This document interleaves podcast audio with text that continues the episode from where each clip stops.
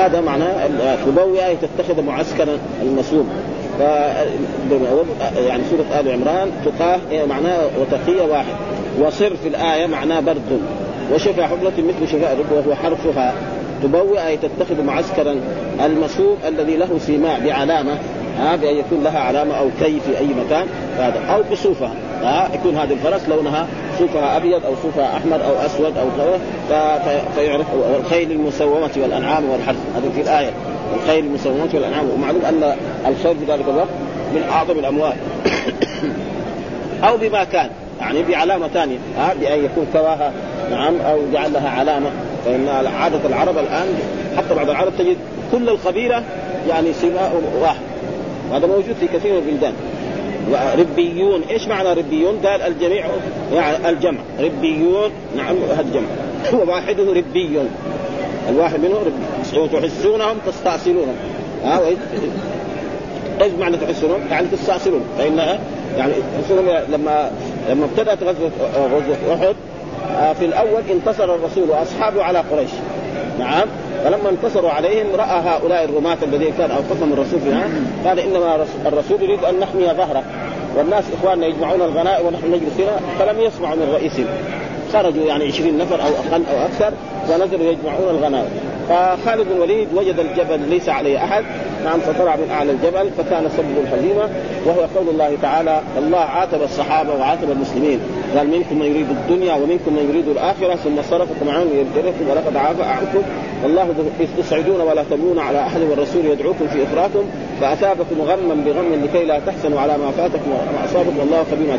ثم أنزل عليكم بعد الغم امرا نعاسا يخشى طائفة منكم وطائفة اهمتهم أنفسهم يظنون بالله غير الحق ظن الجاهلية وخذوا وأنا تحسونهم يعني تستأصلونهم قتلوا ولكن بعد. بعدين غزا هذا جمع إيه؟ غازي. غزا جمع إيه؟ غازي. و يعني غزاة معناه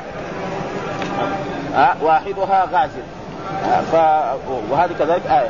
ثم آه سنكتب ما قالوا أي سنحفظ. سنكتب كل إنسان معلوم أن الله سبحانه وتعالى جعل على كل بالغ رقيب وعتيد. يكتب عليه. نعم أحدهما يكتب الحسنات والثاني يكتب السيئات. والإمارة لمن يكتب الحسنة فإذا عمل الحسنة حالا كتبها وأما السيئة نعم فلا يكتبها يقول لعله يستغفر. فإذا استغفر بعد مدة من الزمن لم يكتب وإذا ما استغفر كتبت عليه. هذا معناه سنكتب ايسر آه نزلا. النزل معناه قال هنا فسرها بالثواب. وهناك بعض المفسرين يفسرها النزل ما يقدم للضيف أول ما ينزل. ها فإذا جاء إنسان لانسان ضيف ها يقدم له في عصرنا هذا يقدم له فنجان قهوة أو شاي أو يقدم له شراب. ها فالنزل هذا هو النزل وهم ثواب ومعلوم أن من جملة النزل اللي في الجنة كل شيء ها؟ وأي شيء يقدم له ويجوز منزله من عند الله. كقوله أنزلته وقال مجاهد والخير المسومة الم... آه الم... المهمة الحسان. يعني الخير المطهمة الحسان. إيه؟ الخير المسومة المطهمة الحسان. المطهمة الحسان. يعني معلوم أن الخير تجد بعضها يعني ضامرة. وهذه الخيول العربية. وهي أحسن في في السرعة في الجري وأحسن الخيول. بخلاف الخيول الثانية تجد مثلا بطنها كبير. ما تقدر تسرع كما يسرع هذا. هذا شيء مشاهد. ها؟ وكيف يخلوها كذا؟ أول يطعموها طعام كثير ثم بعد ذلك يمنع عنها الطعام. ويجللوها يجعل على ظهرها شيء وتقعد مدة فينزل العرق منها. خلاص بعد ذلك تصير كذا ضامر بطنها هذا كثير بيفعلوه الناس الذين هم في الخيل. يعني معرفة وهذا وقال ابن جرير وحصورا وحصورا إيه؟ ها عن إيه؟ عن يحيى فإن يحيى زكريا عليه السلام طلب من إيه؟ من ربي أن يعطيه ولدا ها فقال له مشترك صدق بكلمة من الله وسيدا وحصورا، إيش معنى الحصور؟ قال الذي لا يأتي النساء وكنا قرأنا في تفسير ابن كثير يعني في الأول يعني عند هذه الآية في سورة آل عمران قال بعض المفسرين إن هذه حصورا يعني لأنه كون الإنسان ما يأتي النساء هذا نقص في الرجل. ها؟ كون الإنسان لا يأتي النساء والأنبياء وهو نبي بده يصير وكونه يكون هذا يعني ما فقال حصورا يعني ممنوع من إيه؟ ما يقع في الذنوب هذا التفسير أحسن من إيه؟ من حصورة. ولكن أكثر الناس يفسر الحصور بمعنى الذي لا يأتي النساء. إما ما له رغبة في النساء مرة أو يكون علمين يعني ما عنده إيه؟ آلة الذي يعني يكون فيها منها هذا الشيء. فمعنى حصور وكثير منهم فسرها بهذا التفسير. أن الحصور المعنى الذي لا يأتي إيه؟ النساء. وقال عكرمة من فورهم أي من غضبهم. يعني من فورهم إيه؟ لأن قريش جاءوا إلى بدر. نعم. وانتصر الرسول على قريش وقتل الرسول وأصحابه سبعين وأسروا سبعين. فهم في غضب شديد. فرجعوا إلى مكة بالخزي والعار. بعدما كانوا هم يريدوا أن يأتوا إلى مي... إلى بدر فتغنيهم القيان ويشربون الخمر ويتحدث العرب عن قوة إيه؟ قريش.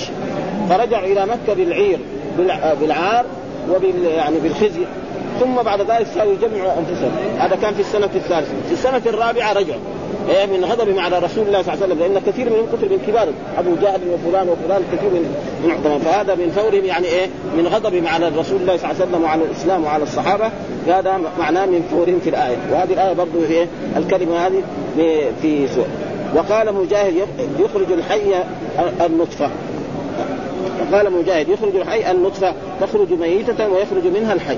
مثلا النطفة التي من من الرجل التي هو المني نعم. هو ميت. يعني ما له حركة.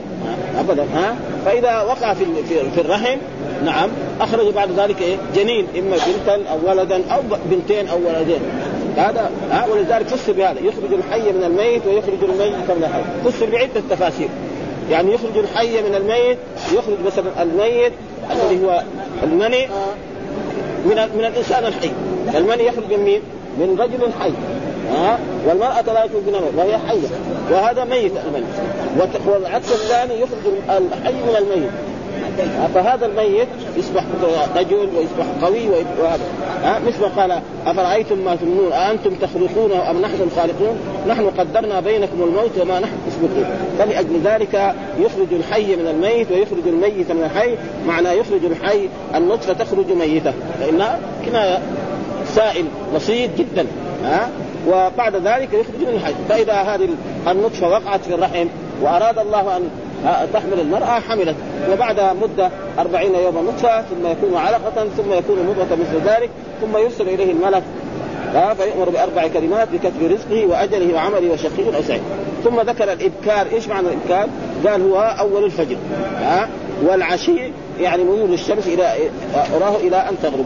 ها بالعشي والإبكار. الآية كده. ها يقول الله تعالى العشي والإبكار. العشي معناه أول من أول الفجر إلى الزوال والعشي من ميل الشمس يعني من بعد الزوال إلى الغروب. وهذا يسمى هذا ونقرأ بعض الأشياء اللي فسرها. هو يقول فيها قوله سورة آل عمران بسم الله الرحمن الرحيم كذا لأبي ذر ولم أرى البسملة لغيره وسر برد وهو تفسير أبي عبيدة. قال في قوله تعالى كمثل ريح فيها سر. السر شدة البرد. وقوله شفا حفرة مثل شفا الركية بفتح الركية بفتح الراء وكسر الكاف وتشديد التحتانية وهو حرفها. كذا للأكثر. وكذلك آه، وشفا حفرة شفا جرف وهو يقتضي التسوية بينهما. تبوأ تتخذ معسكرا وهو تفسير أبي عبيدة. وإذ غدوت من أهلك تبوأ المؤمنين مقاعد للقتال. أي تتخذ لهم مصاف ومعسكرا. وقال وقال غير تبوئ أي تنزل. يعني كل واحد يجلسه إيه؟ يجلسه في مكان الذي قتاله وأصله من المباءات وهي المرجع. والمقاعد جمع مقعد وهو مكان القعود وقد تقدم شيء من ذلك في غزوة أحد. ربيون الجموع. واحدها ربي هو تفسير أبي عبيدة قال في قوله وكأي من نبي قاتل معه ربيون كثير. فالربيون الجماعة الكثير واحدها ربي وهو بكسر الراء في الواحد والجمع. والجمع قراءة الجمهور ربيون هذا قراءة إيه؟ وغيرها. وعلى وعن علي وجماعة بضم الراء ربيون بضم إيه؟ الراء بعضهم يقرأ كذا من من تغيير النسب في في القراءتين. تحسونهم أي تستأصلونهم قتلا ها؟ إذ تحسونهم. في آية برضه بهذا. يعني وقع هذا بعد قوله واحدها ربي وهو تفسير أبي عمر. غزا واحدها غاز وهو تفسير أبي عبيدة أيضا. قول في أو كانوا غزا أي لا يكتبها رفع ولا جر. يعني هذا من جهة سنكتب ما قالوا سنحفظ. وهو تفسير أبي سنحفظ آه، سنكتب معناه سنحفظ. الملائكة يحفظون ويوم القيامة يقال له اقرأ كتابك كفى بنفسك اليوم عليك حسيب. كل واحد يقرأ كتابه ويشوفها ان خيرا فخير وإن شرا فشر. من يعمل مثقال ذرة خيرا يره ومن يعمل مثقال ذرة شرا يره. نزلا ثوابا.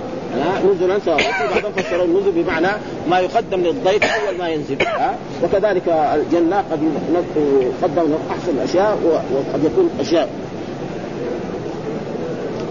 أحدهما مصدر والآخر أنه جمع نازل كقول الأعشى أو تنزلون فانا معشر النزل أو تنزلون فانا معشر النزل. لهم جنات آه معنى الجنات قلنا دار الكرامة التي أعدها الله لعباده المؤمنين ما يحتاج إلى شرع بين المسومة الراعية. بعضهم فسر المسومة خيل المسومة الراعي ومعلوم الخيل أو البقر أو الإبل إذا كانت ترعى حتى لا يكون فيها زكاة. ومن شروط الزكاة أن تكون الحيوانات بهيمه الأنعام سائمة. ما معنى السائمة الذي ترعى في البر؟ أما إذا كان صاحبها يشتري لها علف ويطعمها فإنه لا يجب عليه الزكاة. مثل عصرنا هذا. الآن الناس عندهم يقولوا 2000 بقرة يحلبوا حليبها نعم ويبيعوا الحليب ويبيعوا الزبد ويبيعوا أولادها. فهل يجب على هذه البقر أو هذه؟ لا يجب عليها الزكاة لكن الفلوس الذي يجمعها ها؟ الفلوس الذي يكسب منها هو الذي يجب أما نص البقر يعني شخص يمكن 4000 بقرة. يمكن بعض الناس عندهم كذا ها؟ وحاططها في اسطبل ويطعمها. طعام هل يجب على على البقر هذا أو لا؟ يجب بشرط أن تكون سائله وهذا هو أصح الأقوال. وهناك من العلماء من يرى ولو لم تكن سائل لكن صح لأن الأحاديث كده موجود فيها ها؟ في كل نعم يعني يعني نعم سائمه إبل سائمه معناه الذي ترعى أكثر الحول هذا مسوى فصارت سائمه وقال سعيد وحصورا أي لا يأتي النساء. ووقع هذا بعد ذكر إيه المسوى وصله الثوري. هذا إيه؟ يعني معلق. في تفسير عطاء بن السائب عن سعيد بن جبير وأصل الحصر الحبس والمنع. يقال لمن لا يأتي النساء عم من أن يكون ذلك بطبعه كالعنين أو بمجاهدة نفسه وهو الممدوح. والمراد في وصف السيد يحيى عليه السلام. ها؟ فإن الله بشر زكريا بأن الله سيؤتيه نعم ولدا وصالحا ويكون حصورا. وحصورا كثير فسروها بمعنى أنه لا يأتي النساء. وقد مر علينا في تفسير ابن كثير يقول لا لأن هذا فيه إيه؟ يعني عيب. لو فرض أن الرجل ما يأتي النساء يعني لا يجي له أولاد وهذا قد الناس فهموا فمعنى حصورا أحسن تفسير هو يعني يمنعه الله عن الوقوع في الذنوب وفي الآثام وهذا تقريبا وأما وهذا تفسير ها؟ ها, ها؟ مراد بمجاهدة نفسه. إيه مجاهدة نفسه كمان هذا هذا يكون أحسن نعم. وقال ويخرج الحي من الميت. نعم النطفة تخرج ميتة ويخرج منها الحي. برضه هذا معلق وصله آه عبد بن حميد. من طريق أبي نجيح عن مجاهد في قوله يخرج الحي من الميت ويخرج الميت قال الناس الأحياء. نعم من النطفة الميتة. ها فإن النطفة هذه إذا وقعت في الرحم نشأ منها الولد.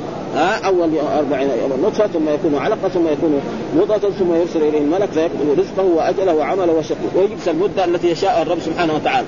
ها البعض منهم ستة أشهر البعض سبعة أشهر البعض تسعة أشهر. ولأجل ذلك أقل الحمل ستة شهور. وأكثره لا حد له. في بعض الناس يقعد سنوات.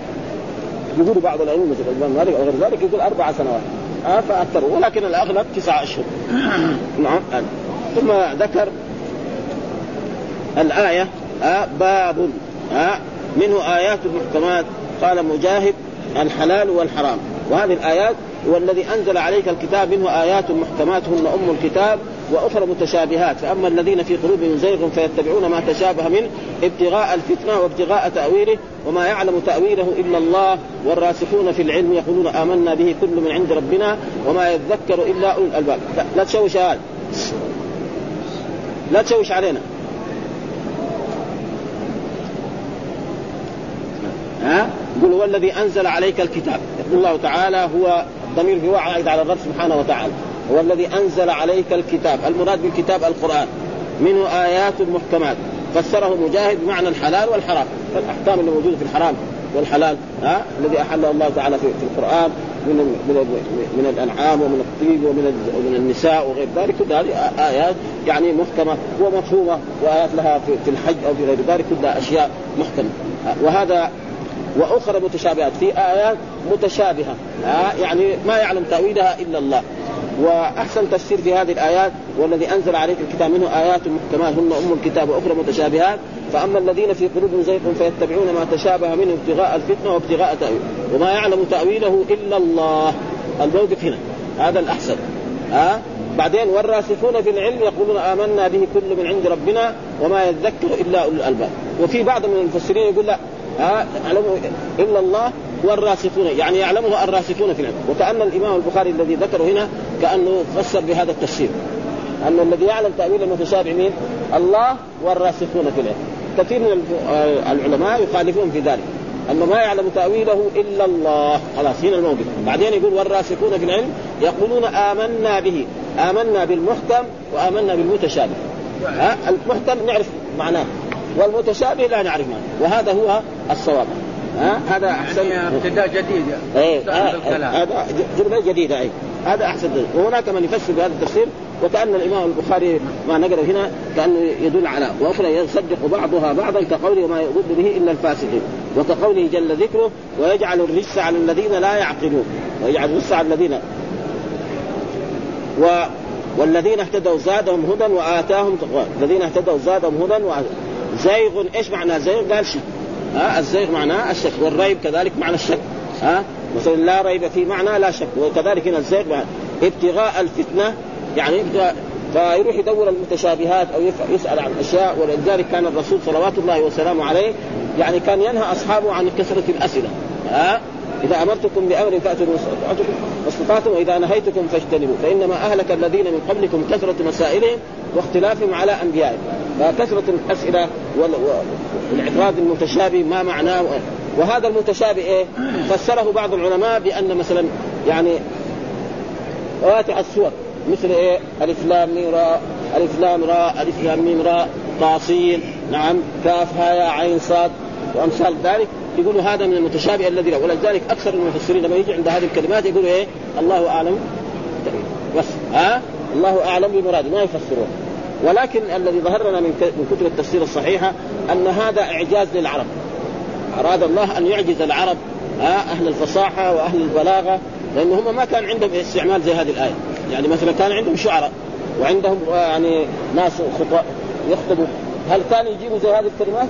ما عمرهم ما يعرف فالقرآن أراد يعجز لأنه القرآن هذا الحروف الموجودة فيه هي الحروف الموجودة في قصائده وهي في خطبهم. ها؟ ال 28 حرف فأي أي إنسان يتكلم؟ إنما أراد الله أن يعجز فلذلك قالوا إنه القرآن مفترى. نعم فالله تحدى ائتوا بعشر سور مثل مفترات ما قدر. طيب سورة؟ ما قدروا بعد ذلك الله يعني تحداهم ها قل لا اجتمعت الإنس والجن على ان ياتوا مثل هذا القرآن لا يأتون بمثله ولو كان بعضهم لبعض ظهيرا. ولأجل ذلك كل السور التي مفتتحة بهذه الحروف تتحدث عن القرآن وعظمة القرآن أكثرها. يعني في كثير سور. منها أول سورة ألف لام ميم ذلك الكتاب لا ريب فيه هدى للمتقين. ألف لا ألف لام ميم لا ريب فيه. هذا مثلا السورة هذه ألف لام ميم الله لا إله إلا هو الحي القيوم نزل عليك الكتاب. ها ألف لام ميم صاد كتاب أنزل إليك. نعم كاف ها يا عين رحمة هذا ما فيها. ها مثلا حاميم والكتاب المبين. حاميم إنا أنزلناه في ليلة مباركة. ها كلها تتحدث الا سور قليلة. مثل مثلا آه الروم. الف لام ميم غلبت الروم في أدنى الأرض. ما ما ما, ما جرت. الف لام ميم احسب الناس أن يتركوا هذه ما فيها يعني إلا بعد الايه وإيش هو؟ فسره بعضهم بان الله أعلم بمراده ولكن الصحيح إنه هو يعني تحدي للعرب وللفصحاء أن يأتوا بمثل هذا القرآن. لأن الحروف الذي يستعملها القرآن التي 28 حرف هي الموجودة في القرآن وهي الموجودة في كتبهم وفي قصائدهم مثل قصة ابن ساعد وغير ذلك. فهل يستطيع؟ الجواب لا يستطيع أبدا. ها؟ تحداهم الله. قل لئن اجتمعت الإنس والجن على أن يأتوا مثل هذا القرآن لا يأتون بمثله ولو كان بعضهم لبعض ظهيرا. ولذلك فسر بعضهم هذه الآيات قال وحاصل أنه ليس من شرط صحة فإذا رأيت الذين يتبعون ما تشابه قال الطبري قيل إن هذه الآيات نزلت في الذين جادلوا رسول الله صلى الله عليه وسلم في أمر عيسى وهذا صحيح لأن هذه الآيات في إيه؟ في أول سورة آل عمران وأول سورة عمران كلها نزلت في إيه؟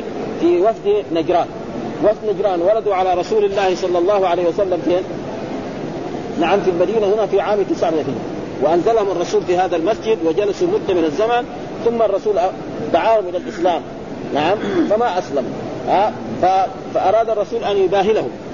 يعني نجي أنا أجيب أهلي وأنتم تجيبوا أهلكم ذلك فنقول الكاذب عليه لعنة الله وأن يهلكه حاله. فما رضوا خافوا لأنه يعني لو باهلوه بعد بعضهم العباد قال لهم إذا باهلتموه يعني أنتم تهلكوا ويهلك أولادكم إلى عشرين ولد. فقد ما قبلوا ابدا ما رضوا ها؟ قل تعالوا ندعو أبناءنا وأبناءكم ونساءنا ونساءكم وأنفسنا وأنفسكم ثم نبتهل فنجعل لعنة الله. ما رضوا ابدا. بعد ذلك اتفقوا مع رسول الله صلى الله عليه وسلم على يؤدوا الجزية ويرجعوا إلى بلادهم وصاروا يعطوا الجزية. ألف حلة في في محرم أو في صفر وألف حلة في رجب. والحلة معناه يعني في في العرف العربي الأول إزار ورداء. ها أي واحد إزار ورداء هذا يسمى وهناك أمثلة ثانية زي مثلا القميص وغير يعني الأشياء اللي وبعضهم قال في والثاني أولى لأن أمر عيسى قد بينه الله للنبي فهو معلوم. يعني قالوا نزلت في في الذين جادلوا رسول الله صلى الله عليه وسلم في أمر عيسى. وقيل في أمر مدة هذه الأمة. يعني هذا بعض بعض المفسرين فسر إيه؟ جادلوا الرسول في أمر مدة هذه الأمة، الأمة الإسلامية قد إيش تبقى؟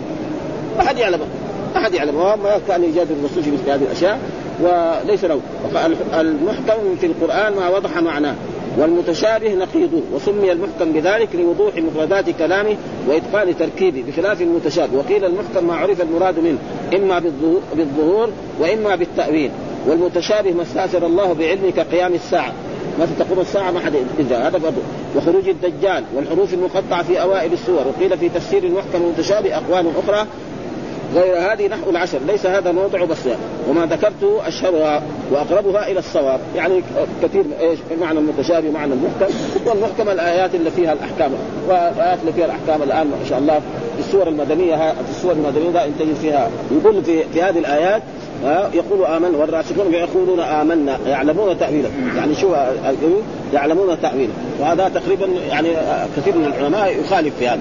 انه لا ها ما يعلم تأويله إلا الله. خلاص. بعدين والراسخون في العلم؟ يقولون آمنا به كل من عند ربنا. وما يتذكر هناك من فسر لا يقول وما يعلم تأويله إلا الله والراسخون في العلم. يعني يعلم المتشابه من يعلم الله والراسخون في العلم. وهذا تفسير يعني وكأنه الإمام البخاري مشى على هذا. يقول يعلمون تأويله. والراسخون في العلم يعلمون تأويله. وعلى كل حال نحن ناخذ من كل إنسان والشيء الذي ما ظهر لنا الإمام البخاري إمام عظيم ولكن في هذه المسألة يعني قد ما يوافقه كثير من العلماء ها إنه الراسخون في العلم وهذا موجود يعني كتب التفسير موجود من يقول بذلك. هذا.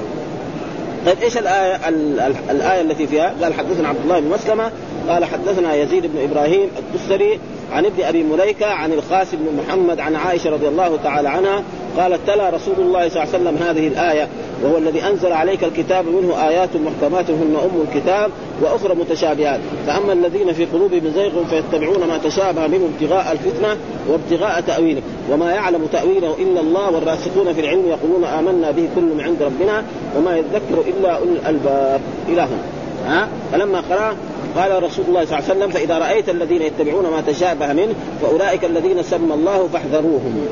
إذا رأيت الذي يتتبع يروح يسأل عن المتشابهات. يجي سايق مثلا مشاهد مع بعض أو يدور الأشياء الشاذة. يعني أشياء الحين بيوجد في في عصرنا هذا بعض طلبة علم يعني أخذوا الكتب صاروا يطالعوا فيها. أو يروح يدور الأشياء اللي مثلا ما هي معروفة.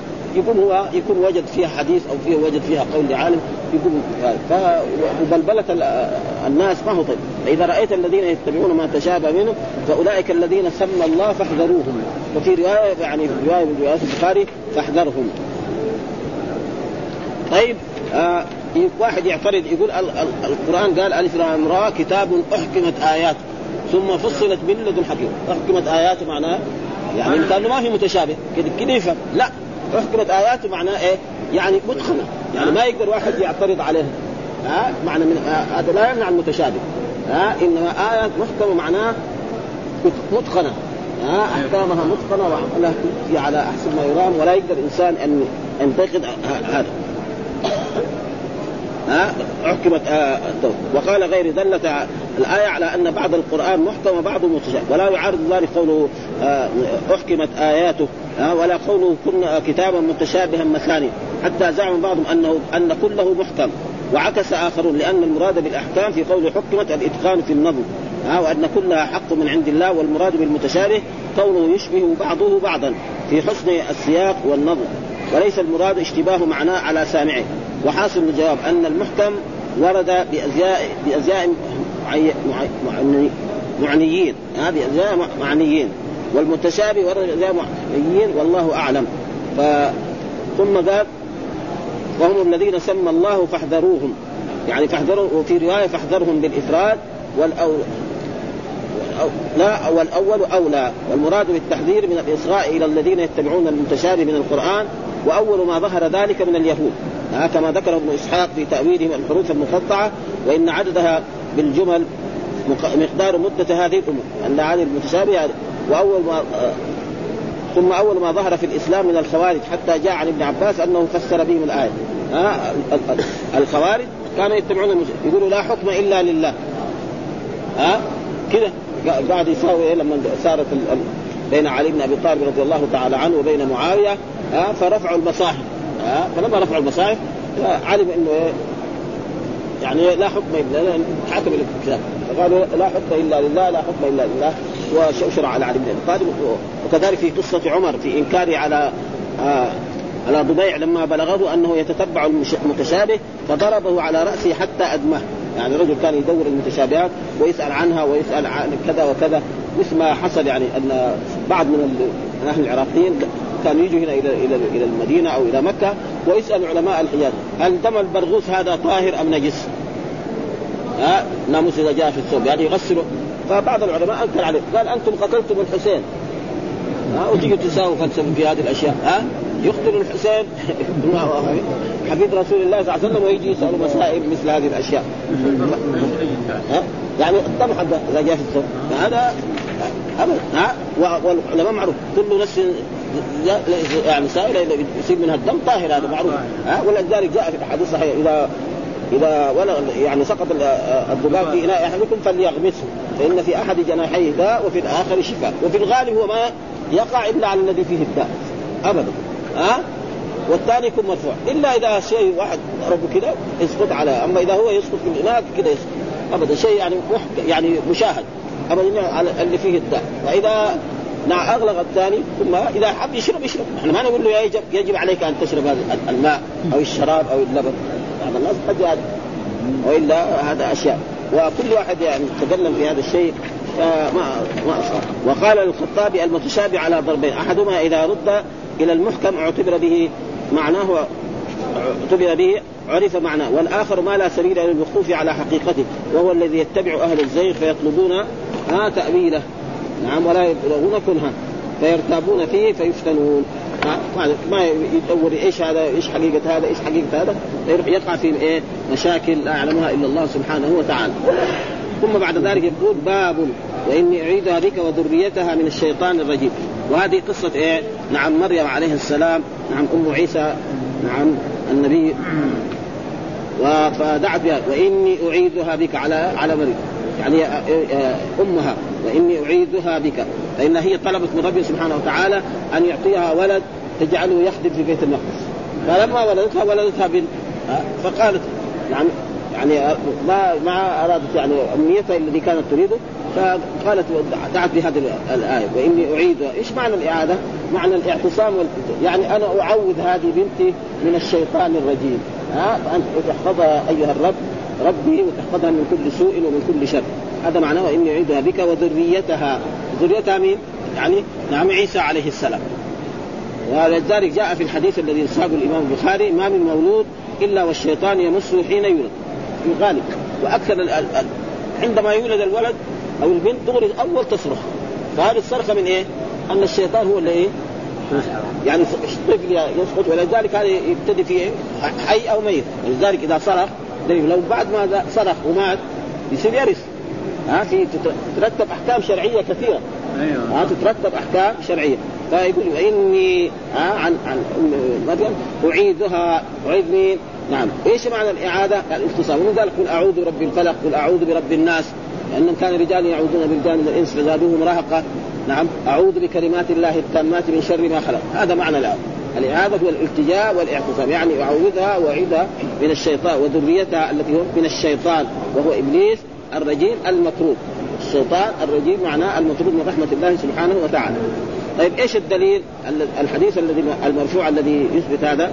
قال حدثنا عبد الله بن محمد قال حدثنا عبد الرزاق قال أخبرنا معمر عن الزهري عن سعيد بن المسيب عن أبي هريرة رضي الله تعالى عنه أن النبي صلى الله عليه وسلم قال ما من من مولود يولد إلا والشيطان يمسه.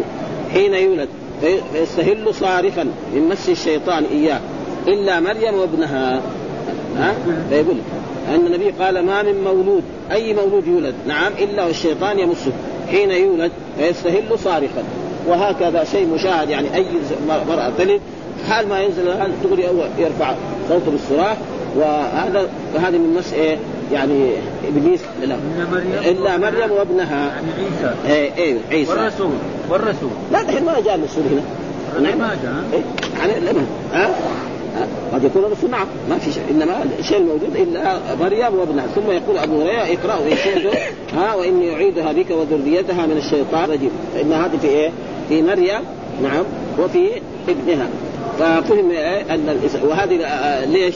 آه لأنه الآية ها الآية في سورة إيه؟ آل عمران والكتاب التفسير هو سورة آل عمران فلذلك أتى بها الإمام البخاري في هذا الباب ليظهر هذا المعنى يقول في هذا ها الرجيم أورد فيه حديث أبي هريرة ما من مولود ولد إلا والشيطان يمس الحديث. وقد تقدم الكلام على شرح واختلاف الفاظ في أحاديث الأنبياء وقد طعن صاحب الكشاف في معنى هذا الحديث وتوقف في صحته. هو ما ما له لأنه هو معتزلي شوية. ها؟ معتزلي هو صاحب الكشاف. يعني في اللغة العربية جيد. ها؟ فقال إن صح فمعناه أن كل مولود يطمع الشيطان في إغوائه إلا مريم وابنه فإنهما كانا معصومين. هذا يمكن المعنى ما في شيء. وكذلك إن كان في صفتهما ها كقول إيه؟ في الصالحين. كقوله تعالى الا عبادك منهم المخلصين. فإن الشيطان ما يقدر. مثل قال لأغوينهم أجمعين. أو قال كذا. إبليس قال لأغوينهم. بعدين هو تذكر الا عبادك ناس ما يقدر عليهم مهما مهما فعل ما فائده ها؟ يعني مهما فعل أراد يغوي انسان ربنا عصره لا يمكن ابدا. ها؟ فلذلك هو بنفسه قال الا عبادك من المخلصين. ها؟ قال واستهلال الصبي صارفا مس الشيطان تخيير ها؟ وطمعه فيه كأنه يمسه ويضرب بيده بيده عليه ويقول هذا من من ممن أغويه. يعني أول لما يقول هل هل هذا بكره إذا كبر أقدر اغويه لأنه دحين صغير ما عليه شيء. لكن بكره إذا بلغ نعم بلغ سن الرشد ذاك الوقت يقدر يغويه. أما الآن تو ولد ما له شيء. صلى صام ما له شغل. ما ما في شيء. لكن هو إيه؟ يرتب أمور للمستقبل. ولو ملك إبليس على الناس لامتلأت الدنيا صراخا وكلامه متعقب من وجيه والذي يقتضيه الحديث لا إشكال في معناه.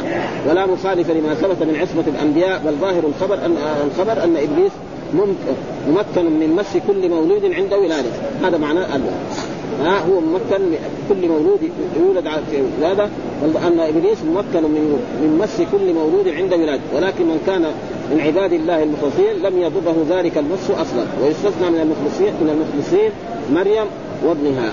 فانه فإنه ذهب يمس يمس على عادته فحيل بينه وبين ذلك. فهذا وجه الاختصاص ولا يلزم منه تسلطه على غيرهما من المخلصين. وأما قوله لو ملك إبليس يلزم يعني ها؟ على كل حال هو معترف إبليس أنه بعض الناس لا يقدر عليهم ابدا. إلا عبادك مخلصين والأنبياء كذلك وحتى عمر بن الخطاب رضي الله تقدم لنا فيها أنه يعني الشيطان إذا في سلك وكان عمر يترك هذاك الطريق مرة واحدة ولا يمشي منه مرة واحدة. ها؟ وخلي الرسول صلوات الله وسلامه عليه باب أولى واحد. ثم أجاب بأن هذه الوجوه محتملة معه ومع احتمال لا يجوز دفع الخبر. انتهى وقد فتح الله تعالى عليه في الجواب كما تقدم والجواب عن اشكال الإغواء يعرف مما تقدم. ثم ذكر هذه الترجمة يمكن نقراها كمان. باب إن الذين يشترون بعهد الله وأيمانهم ثمنا قليلا أولئك لا خلاق لهم في الآخرة ولا يكلمهم الله ولا ينظر إليهم يوم القيامة ولا يزكيهم ولهم عذاب أليم. إن الذين يشترون بعهد الله وأيمانهم ثمنا قليلا. وهذا مثال ذلك شخص يكون عنده سلعة نعم يبيعها في السوق يحلف بالله أنه اشتراها بعشرة ويريد أن يبيعها مثلا خسران اثنين وهو كذاب. فهذا أو يتضاع عند عند عند القضاة عند الحكام ويحلف. نعم إنه كاذب. فهذا من إيه؟ من الذين يشتروا بعهد الله وأيمانهم ثمنا قليلا، أولئك لا خلاق لا خلاق معناه لا نصيب لهم في الآخرة. لا نصيب لهم في الآخرة، ولا يزكيهم يعني لا يطهرهم. ولهم عذاب أليم، وقد فسر ابن في الحلفة يمين الصبر اللي يقتطع بها مال من المسلم لقي الله وهو عليه غضبان. ولذلك مثلا يقول يعني يقول أن هذا مثلا هذا المتاع متاعي هذاك يقول له هذا متاعي يجيب بينة ما عندي بينة. يقول له أنت تعرف انه حق يقول نعم. فإذا حلفوا أخذوا أن وجاء في أحاديث. ها؟ ثلاثة لا يكلم الله ولا ينظر اليهم القيامة ولا يزكيهم ولهم عذاب أليم. وشيمة زان وعائل مستكبر ورجل جعل الله بضاعته. لا يشتري إلا بيمينه ولا يبيع إلا بيمينه. فهنا ها أولئك لا خلاق لهم في الأرض. إيش معنى لا خلاق؟ لا نصيب. ولا يزكيهم يطهرهم ولهم عذاب أليم موجع. ف... ثم ساق الحديث قال حدثنا حجاج بن منهال حدثنا أبو عوان عن الأعمش عن أبي وائل عن عبد الله بن مسعود رضي الله تعالى قال قال من حلف يمين صبر ليقتطع بها مال امرئ مسلم. نعم وهو ع... امرئ مسلم لقي الله وهو عليه غضبان. وهذا فيه إيه؟ يعني فإذا حلف وأخذ هذه السلعة ربنا لا يبارك له فيها وقد تهلك ويلقى الرب سبحانه وتعالى يوم القيامة وهو عليه غضبان. والرسول نهى عن عن يمين الغموس الذي تغمس صاحبها في النار. ها؟ وجاء كذلك وهو عليه غضبان. الرب سبحانه وتعالى من صفاته أنه يغضب غضبا يليق بجلاله وعظمته لا يحتاج نؤول ولا ولا نؤول ولا شيء. فأنزل الله تعالى تصديق ذلك. إن الذين يشترون بعهد الله وأيمانهم ثمنا قليلا أولئك لا خلاق لهم في الآخرة. ها؟ ها؟ قال قال فدخل الأشعث بن قيس وقال ما يحدثكم أبو عبد الرحمن؟ وهذه أبو عبد الرحمن عبد الرحمن هذا أبو عبد الرحمن كني لعبد الله بن مسعود. يعني معروف عند الصحابة رضوان الله تعالى عليهم بعد ذلك أن أبو عبد الرحمن عبد الله بن مسعود كنيته أبو عبد الرحمن. ها؟ فقال ما يحدث أبو عبد الرحمن؟ قلنا كذا. وقال إن في نزلت. ها؟ قال هذه الآية نزلت في كانت لي بئر في أرض في أرض ابن عم لي. قال النبي صلى الله عليه وسلم يمينك بينتك أو يمينه. وهذا في الحديث كما جاء. البينة على المدعي واليمين على فإذا إنسان قال هذا الكتاب حق.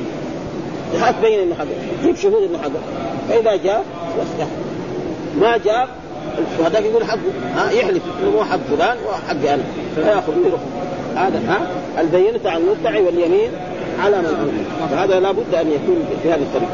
فهذا الصحابي يقول أنه كانت لي كذا آه كانت لي بئر في ارض ابن عم لي وقال النبي صلى الله عليه وسلم بينتك أو يمينه قلت اذا يحلف لأنه هذا ما هو مسلم. قد يكون يهودي أو نصراني أو رجل فاسق ها؟ فقال من حلف على يمين صبره يقتطع بها مال امرئ مسلم نعم وهو فاجر لقي الله وهو عليه غضبان ها؟ وغضب الرب سبحانه وتعالى ما في آخر ها؟ فالإنسان الدنيا كلها زائلة ويتركها هذا هو الأحسن والذي ثم قال حدثنا علي بن أبي هاشم سمع هشيما أخبرنا العوام بن حوشب عن إبراهيم عن عبد الرحمن عن عبد الله بن أبي أوفى رضي الله تعالى عنه أن رجلا أقام أقام سلعة في السوق فحلف فيها لقد أعطي بها ما لم يعطه ليوقع بها رجلا من المسلمين فنزلت. ها؟ وهذا كثير يساوي. يعني بل يتآمر على إيه؟ مثلا شخص يجيب بضاعه في, بعض الأسواق ويقول هم يتآمر عليها السماسره ولا يزيد فيها.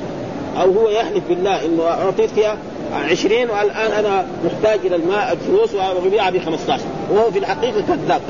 فإذا فعل هذا وأخذ المال هذا فإن هذا المال لا يبارك الله له فيه. كما جاء في الحديث الصحيح الذي تقدم لنا في الأسبوع البيعان في الخيار ما لم يتفرقا.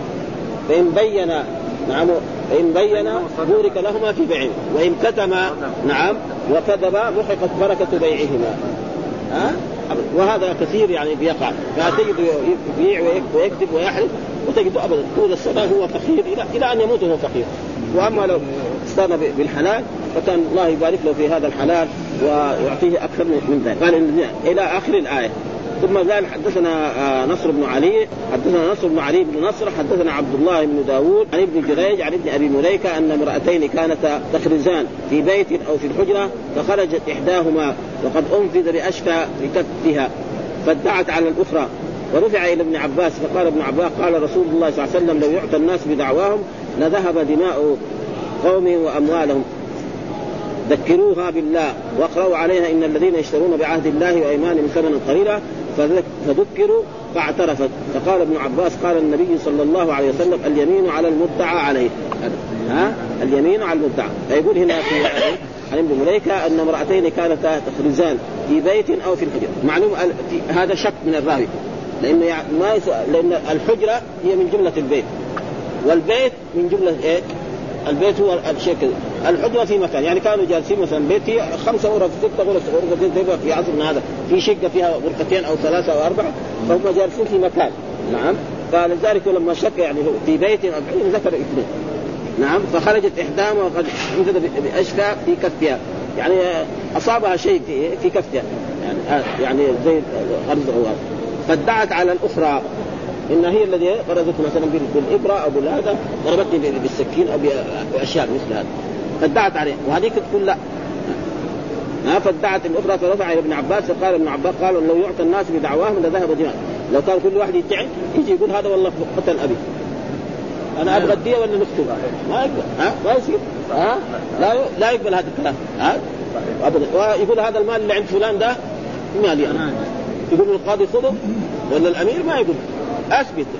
ها؟ فلا بد من الإثبات. فهذا معناه البينة على المدعي واليمين على من انكر ها؟ لا بد إيه؟ يعني يأتي ببينة. فيقول هذا مالي يجيب بينة. فلان وفلان. يشهدوا إنه هذا. فإذا هذا ذاك الوقت. أما بس يجي يدعي دعاوى ولذلك يجي كما جاء قال لو يعطى الناس بدعواهم لادعى أموال قوم ودماءهم يقول هذا قتل أبي وهذا قتل أخي وأنا أبغى منه أو اقتلوه فلا يقبل من هذا إلا بإيه؟ بالأدلة فدائما البينه على المدعي، أي واحد يجي يدعي يقول له هات البينة، ما عنده بينة، المدعى عليه يقول له أنت تحلف؟ يقول أحلف، فاذا حلف خلاص. انتهت الدعوة. يأخذ الآلة. ولكن لا يبارك الله له في هذا المال وسيلقى الرب سبحانه وتعالى يعني في في هذا. نصيب أي من خير. هنا فسرها نصيب. لكن كثير كتب التفسير يقول إيه؟ يعني لا خلاق لهم في الآخرة يعني لا نصيب لهم. ها؟ أليم مؤلم موجع والمؤلم هو مو في موضع مفعل من كلام أبي عبيده أي واستشهد بقول ذي الرمه من الذين يشترون نزلت في فيه وفي خصمه حين تحاكم في البئر. وحديث عبد الله بن أبي أوفى أنها نزلت في رجل أقام سلعة في السوق فحلف لقد أعطي ما لم يعطه. وقد تقدم جميعا في الشهادات وانه لا منافاة بينهما ويحمل على النزول كان بالسببين جميعا. ولفظ الآية عم من ذلك لأنه دائما القرآن يعني بعموم إيه؟ اللفظ لا بخصوص إذا نزلت في رجل من الصحابة بس حدثه لا أبدا ها؟ آه فدائما الكلام يعم عم جميع المسلمين يعني لما الله قال وأقيموا الصلاة وآتوا الزكاة يدخل فيه إن شاء الله إلا إلى بعد القرن المئة إذا في حروب ابدا ها؟ والحمد لله رب العالمين وصلى الله وسلم على نبينا محمد وعلى آله وصحبه وسلم إلا بعد حديث طويل.